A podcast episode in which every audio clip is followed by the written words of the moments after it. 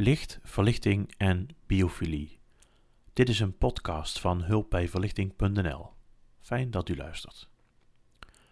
Biofilie betekent letterlijk houden van het leven. De term bestaat enerzijds uit de Griekse stam bio, het leven, en het achtervoegsel filie, houden van.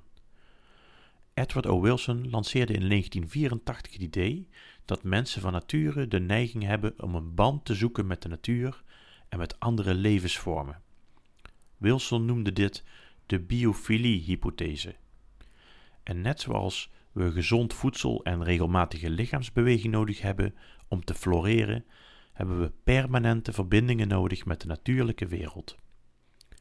De biofilie-hypothese en de daaraan gekoppelde onderzoeken leren ons dat de mens krachtig reageert op vormen, processen en patronen van de natuur. Een oeroude en onbewuste verwantschap tussen de mens en andere levensvormen. En dat levert interessante materie op als het gaat om interieurontwerp en de rol die verlichting daarin speelt.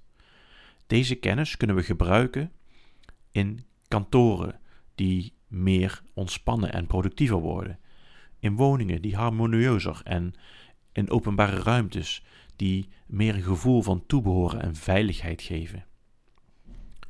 Biophilic design bestaat uit een aantal thema's: incorporatie van natuur, incorporatie van patronen en interactie met de natuur. Elk van de thema's is weer onderverdeeld in een aantal aanwijzingen ten aanzien van design.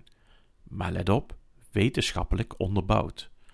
Binnen het thema incorporatie van natuur gaat het bijvoorbeeld om direct contact met de natuur en met natuurlijke systemen. Het kan bijvoorbeeld door het gebruik van natuurlijke materialen in een ruimte, maar ook door middel van dynamisch of diffuus licht. Het gebruik van natuurlijke materialen in het interieur zien we niet alleen terug in meubels, op vloer- en wandbekleding, maar ook in verlichting. Armaturen worden tegenwoordig gemaakt van bijvoorbeeld hout of bamboe of natuurlijke steensoorten. Het brengt de natuur letterlijk naar binnen. In combinatie met water, groen en levende planten vormt het een krachtige combinatie. Dynamische en diffuse verlichting zien we eh, in het kader van de invloed die licht heeft op het circadiaan ritme van de mens, het biologisch klokje, op de gemoedstoestand, neurologische gezondheid en alertheid van mensen. Onderzoeken in ziekenhuisomgevingen laten zien dat de patiënten sneller herstellen, verlaagde pijnniveaus vertonen en minder sterke pijnstillers gebruiken wanneer de verlichtingsdynamiek juist wordt toegepast. Met moderne LED-technologie en sensoren wordt de kleurtemperatuur en intensiteit van verlichting gedurende de dag kunstmatig gestuurd om de dag-nachtcyclus na te bootsen. Dynamisch en diffuus licht maken gebruik van verschillende intensiteiten van licht en schaduw, die in de loop van de tijd veranderen, om zo omstandigheden te creëren die de natuur ook heeft. Waar je daarbij op kunt letten is dat licht in de natuur vanuit verschillende richtingen komt.